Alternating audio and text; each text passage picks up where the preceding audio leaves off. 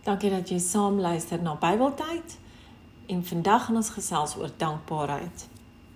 Ons lees stukkie uit Kolossense 3 vers 16. Die boodskap van Christus moet in sy volle rykdom in julle bly. Leer en onderrig mekaar met alle wysheid.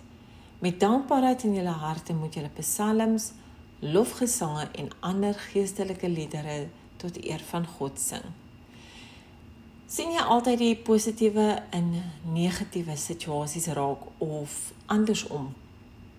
Wees dankbaar vir alles en hou op om te kla, want deur te kla, verloor jy jou vreugde in die lewe. Dit het al met my ook gebeur. Dit gebeur nog steeds met my. So jy kan geseënd voel, maak nie saak waartoe jy gaan nie. Hoekom voel jy negatief? Wat kan jy daaromtrent doen om die positiewe te sien van die saak?